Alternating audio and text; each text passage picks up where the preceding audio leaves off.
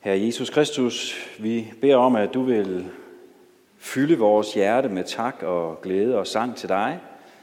At du vil fylde os med tro på dig. Og glæde over alt det, som du har gjort for os, det du har tjent os med, så vi må leve vores liv til ære og hyldest for dig, Jesus. Kom du og være konge i vores liv, og kom du også til os nu og tal dit ord til os. Amen. Vi skal rejse os og læse fra Johannes evangeliet kapitel 12, fra vers 1 og frem efter. Seks dage før påske kom Jesus til Betania, hvor Lazarus boede. Han, som Jesus havde oprejst fra de døde. Der holdt de et festmåltid for Jesus. Martha sørgede for maden, og Lazarus var en af dem, der sad til bord sammen med ham. Maria tog et pund ægte, meget kostbar nardusolve, olie og salvede Jesu fødder og tørrede dem med sit hår. Og huset fyldtes af duften fra den vellugtende olie. Judas Iskariot, en af Jesu disciple, han som skulle forråde ham, sagde da, Hvorfor er denne olie ikke blevet solgt for 300 denarer givet til de fattige? Det sagde han ikke, fordi han brød sig om de fattige, men fordi han var en tyv. Han var nemlig den, der stod for pengekassen, og han stak noget til side af det, der blev lagt i den. Da sagde Jesus, lad hende være, så hun kan gemme den til den dag, jeg begraves. De fattige har jo altid hos jer, men mig har I ikke altid. Den store skare af jøder fik nu at vide, at Jesus var der. Og de kom derud, ikke alene på grund af ham, men også for at se Lazarus, som han havde oprejst fra de døde. Men ypperstepræsterne besluttede også at slå Lazarus ihjel, for på grund af ham gik mange jøder hen og troede på Jesus.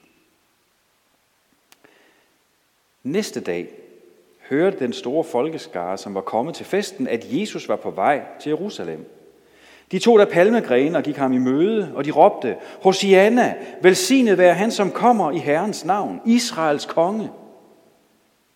Jesus fik fat på et ungt æsel og satte sig på det, sådan som der står skrevet, frygt ikke Sions datter. Se din konge kommer ridende på et æsels føl. Det forstod hans disciple ikke straks. Men da Jesus var herliggjort, kom de i tanke om, at dette var skrevet om ham, og at det var det, man havde gjort ved ham. Skaren, som havde været med ham, da han kaldte Lazarus ud af graven og oprejste ham fra de døde, vidnede om det. Det var også derfor, skaren var gået ham i møde, fordi de havde hørt, at han havde gjort dette tegn. Da sagde farisæerne til hinanden, her kan I se, det nytter ikke noget. Se bare, alverden løber efter ham. Amen.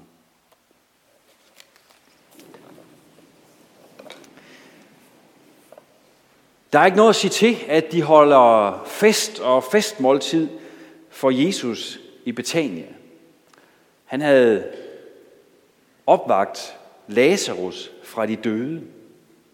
Og alle er begejstrede, alle er glade, alle er taknemmelige for det fantastiske, der er sket. Det er naturligvis Martha, der står for maden. Hun er praktisk, hun er arbejdsom, som vi kender hende. Det er hendes hengivende tjeneste for Jesus. Det er hendes tak til Jesus på det her helt praktiske plan. Lazarus, hendes bror, sad til bord sammen med ham, står der. Det er jo en fantastisk sætning.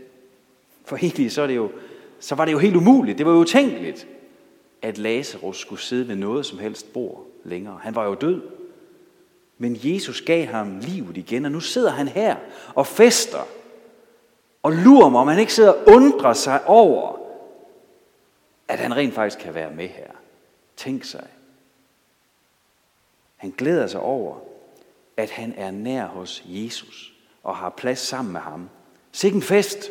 Der var virkelig noget at fejre. Og så midt i festen, så øh, så, så tiltrækker Maria sig igen opmærksomhed for sin hengivenhed til Jesus. Den her gang er det ikke søster Martha, der skælder ud, fordi at hun øsler med tiden, fordi hun ikke tager fat. Nej, nu er det Judas, der skælder ud for at øsle med pengene, for at øsle med en værdifuld olie. Men Marias hengivenhed over for Jesus, den er jo velkendt. Det var hende, der satte sig ved Jesu fødder, bare for at lytte, bare for at suge til sig af Jesu ord, af Jesu visdom, af Jesu kærlighed, bare for at være sammen med ham. Og nu finder hun den her meget dyre balsam frem, og så bryder hun flasken, så duften den breder sig i hele huset. Og så hælder hun den her enormt dyre olie ud over Jesus. Kære mænd, jeg kom til at tænke på jer, da jeg læste det her. Kender I det der med, at man står der i lufthavnen i, øh, i tax-free-shoppen eller, eller i en eller anden parfumebutik, og så øh, bliver man sådan helt henført over alle de her dejlige dufte, og tænker, sådan en skal konen have. Og så finder man ellers den der sådan rigtig lækker eau de parfume. Ikke? Rigtig god en. Og man kan jo knap nok vente med at komme hjem og give hende den. Og så kommer man lige til at vente om og kigge på prisen. Så tænker man, nå ja, kan du også lige kigge efter, om der var en hylde med tilbud. Eller måske, måske kunne vi bare nøjes med en øh, toilet. Ja, måske skulle vi bare købe en i Matas. Ikke? En deodorant med, fra Matas. Det ja, en anden dag. Og så får man ikke gjort mere ved det. Jeg ved ikke, om der er nogen, der kender det. Men jeg har hørt om, at der er nogen, der handler sådan en gang imellem. Prøv at høre, Maria, hun tænkte og handlede ikke sådan, når det galt om at vise sin hengivenhed og sin kærlighed til Jesus. Jesus havde givet dem deres bror Lazarus tilbage. Jesus havde overøst dem med kærlighed, med noget, og han havde givet løftet om, at han er opstandelsen og livet. Ikke bare sådan i generelle termer, det var han for Lazarus, og det var han for dem, opstandelsen og livet. Han havde givet løftet om, at der er evigt liv i ham. Der var simpelthen ingenting, der var for kostbart til ham. For Maria var der ingenting, der var for kostbart. Jesus er alt værd. Han er alt hyldest. Han er alt dyr parfume. Han er alle vores rigdomme værd. Han er alt værd. Og det vidste Maria, og der sådan handlede hun. Så Judas, han tænker helt anderledes. Der, der kan, jeg kan godt se ham i tax-free shoppen der. Han er også mand, ikke? og han tænker måske sådan lidt mere... Han er lidt mere til matas, tror jeg, hvis jeg skal være helt ærlig. Øh, det tror jeg faktisk, han er. Men se, sagen er jo, at Judas' smålighed, det handler ikke om, at han kun er en egoistisk tyv, der ikke havde øje for de fattige. Det handler også om, at han ikke har øje for hyldelsen af Jesus. Fordi han ikke har erkendt, hvad Jesus giver ham. Han har ikke oplevet at blive sat fri og blive glad over Guds kærlighed, ligesom Maria. Han har ikke erkendt, at Jesus er konge. Også selvom han ikke er sådan en konge, som Judas havde håbet og havde troet på. En, der skulle give ham ære og en vigtig og høj position, når han havde smidt romerne ud, og Israels nation var genrejst. Sådan en konge havde han håbet på. Og det var alt, hvad han så efter. Marias salvning af Jesus, det er også en kongesalvning. Hun havde set, at Jesus er kongen. Fordi ligesom kongerne i det gamle testamente, de blev salvet til deres gerning, sådan salver Maria Jesus som konge. Fordi det er en kongegærning, han går ind til her på vejen ind mod Jerusalem, her på dørtrin til påsken. Også selvom det var en helt anden slags kongegærning, end den Judas havde håbet på. Det havde Maria set. Hun havde erkendt, hvad det var for en kongegærning, Jesus gjorde. Og samtidig, så siger Jesus også, at hun salver ham til begravelsen.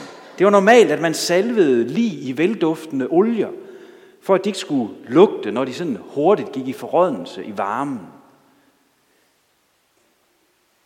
Og Maria har tænkt på de her ting, da hun for at vise sin kærlighed til Jesus, hælder den her dyre salve, den her dyre olie over Jesus. Det ved vi ikke. Men vi ved, at det er sådan, Jesus opfatter det. Vi ved, at Jesus han vidste, at han snart skulle dø. Og derfor så tolker han også den her hyldest, den her kongekroning og den her salmning som en forberedelse til det, der skal ske. Som en forberedelse til hans død og begravelse.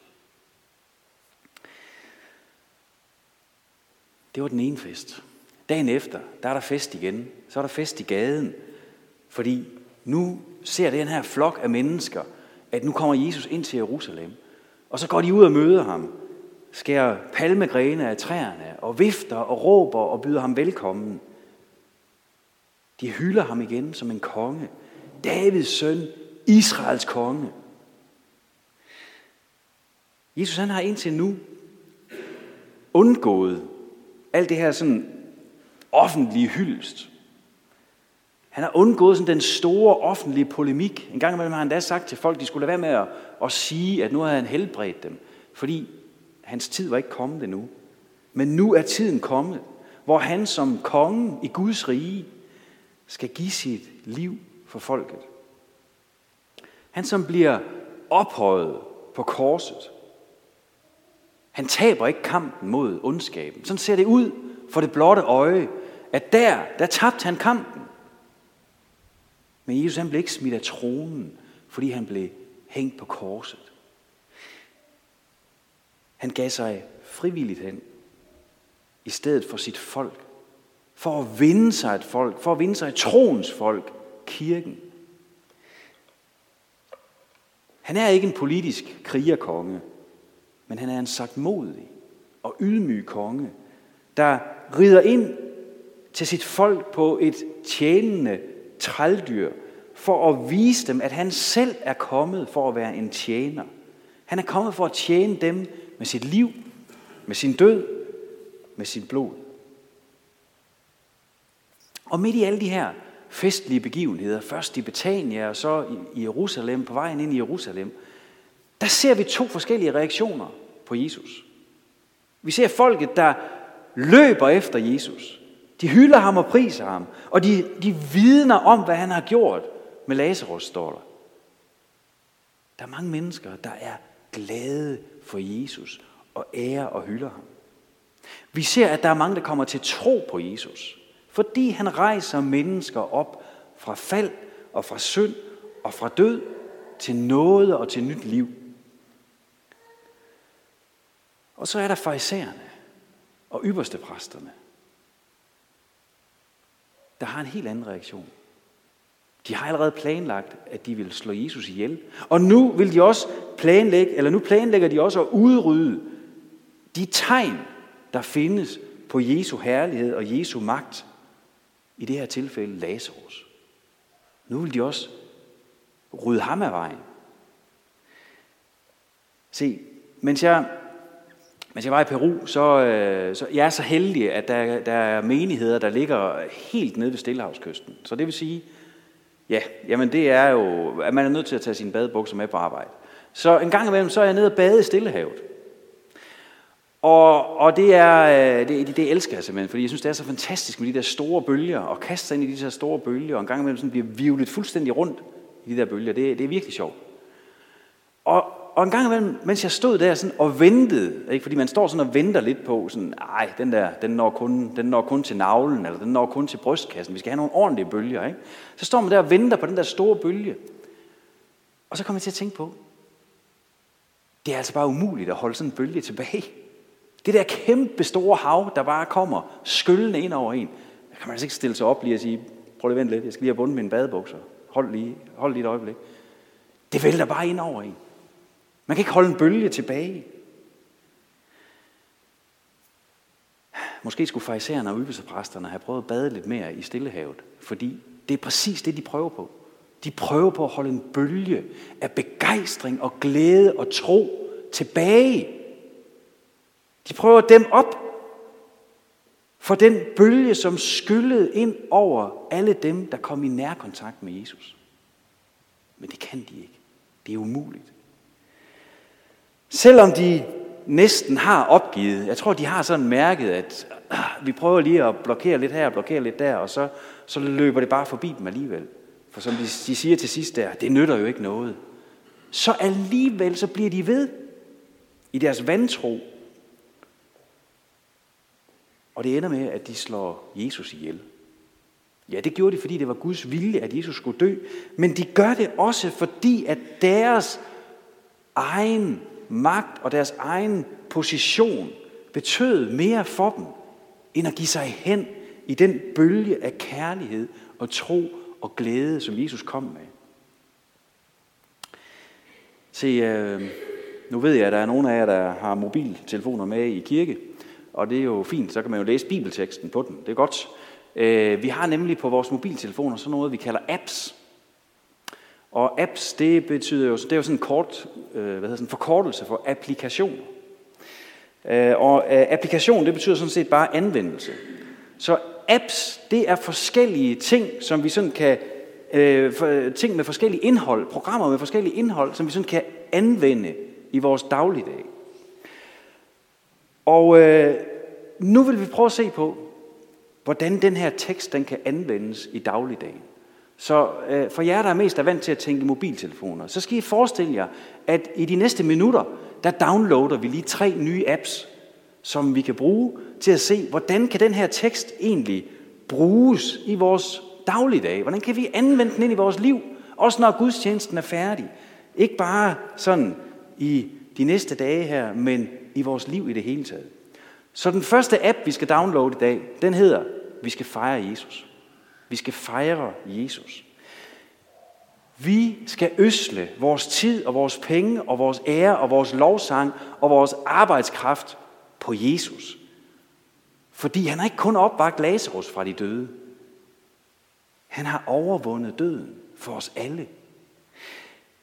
Gennem påskens begivenheder, der har han vist sig som den ægte og sande og eneste konge i Guds rige. Ham, der gav sit liv for sit folk. Ham, der vandt livet for os, sådan at vi må få evigt liv. Derfor er han også den eneste, der er værdig til at være konge i vores liv. Ham må vi ære. Ham må vi fejre med alt, hvad vi er, og alt, hvad vi har, og alt, hvad vi ejer. Ikke bare her i påsken, men i hverdagen, der kommer også. Prøv at tænke på, hvordan kan du ære og prise Jesus som din konge? I dit hjem, i din familie, på din arbejdsplads.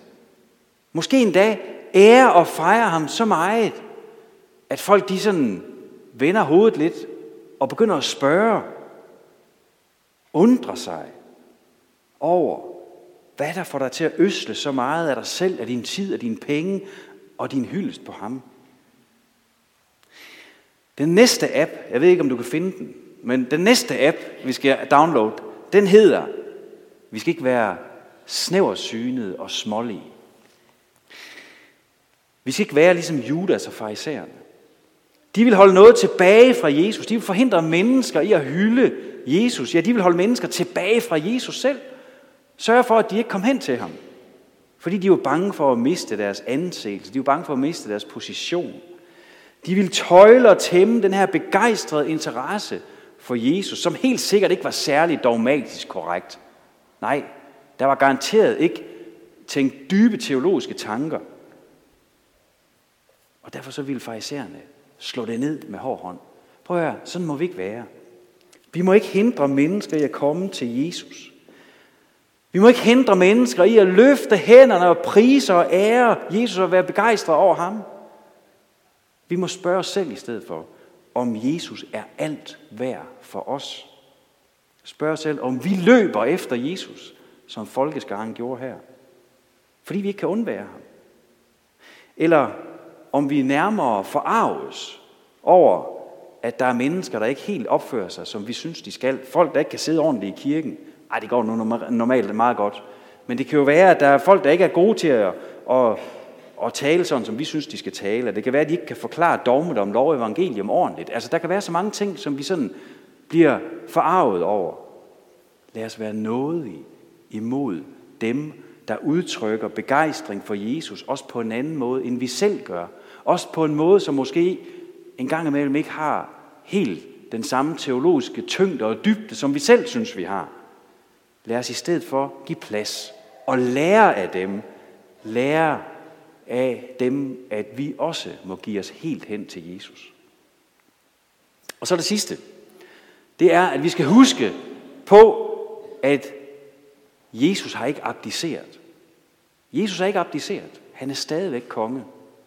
Og det tror jeg, vi har brug for at huske på. Det har vi brug for at glæde os over. Det har vi brug for at minde hinanden om, at Jesus stadigvæk er kongen. Selvom der er færre og færre, der hylder Jesus, selvom der er færre, der tror på ham, selvom vores verden og vores samfund fjerner sig mere og mere fra Guds ord, fra Guds vilje, og selvom retorikken måske bliver hårdere imod os, der gerne vil leve efter Guds ord, som tror på, at Bibelen er Guds ord, os der vil følge Jesus, så skal vi huske, at midt i alt det, så er Jesus stadigvæk kongen. Han har vundet slaget. Og vi skal huske, at han kommer igen for at fuldende sit rige. Så når vi bliver mismodige, når vi mister frimodigheden, så skal vi løfte vores blik til Jesus og lade os fylde af glæde og håb over, at han regerer for evigt. Også i dag. Også selvom der er ting i vores samfund, der kan tyde på noget andet, så ved vi, at Jesus er på tronen. Og derfor så vil, vi med, vil vi blive ved med at løbe efter ham. Vi vil blive ved med at, at trænge os frem. Og det skal vi også gøre her om lidt, når vi skal fejre nadver. Så trænger vi frem til kongens bord. Og så lader vi os fylde der med nåde og styrke og glæde gennem brødet og vinen, hans læme og hans blod. Og så vil vi også lade det her festmåltid, som vi skal være en del af om lidt, give eftersmag i hverdagene, så at vi bliver ved med at prise og takke Jesus for, at han stadig er kongen, at han er på tronen, og at han bliver ved med at tjene os med tilgivelse og med noget og med liv hver dag. Amen. Jesus, vi ærer og priser dig, fordi du virkelig er konge, og vi beder om, at du vil løfte vores øjne til dig, så vi ser dig som den, der, der regerer, den, der har vundet over døden og synden, over, over vores modstander Satan. Tak fordi, at du er den, der regerer, og fordi du også gør det i vores liv. Og Jesus, hjælp os til at give os helt hen til dig. Ikke at holde noget tilbage for dig, ikke holde andre tilbage, men hjælp os til at, at give os hen til dig, fordi du er alt værd. Vær dig, Jesus, om, at du vil fylde os med frimodighed og glæde over, at du regerer stadig, og beder om, at du vil komme med din kongemagt til hver enkelt af os og til den her verden, så endnu flere må tro på dig, give sig hen til dig, begejstres over dig og løbe efter dig. Amen.